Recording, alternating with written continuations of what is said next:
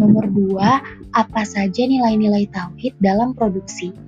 Yang pertama, melakukan kegiatan produksi adalah perintah Allah dan karena itu aktivitas produksi dipandang sebagai ibadah.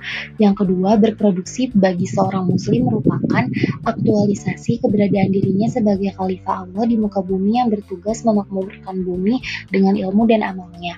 Yang ketiga, bekerja untuk menghasilkan suatu barang atau jasa dalam rangka menafkahi keluarga adalah jihad visabilillah.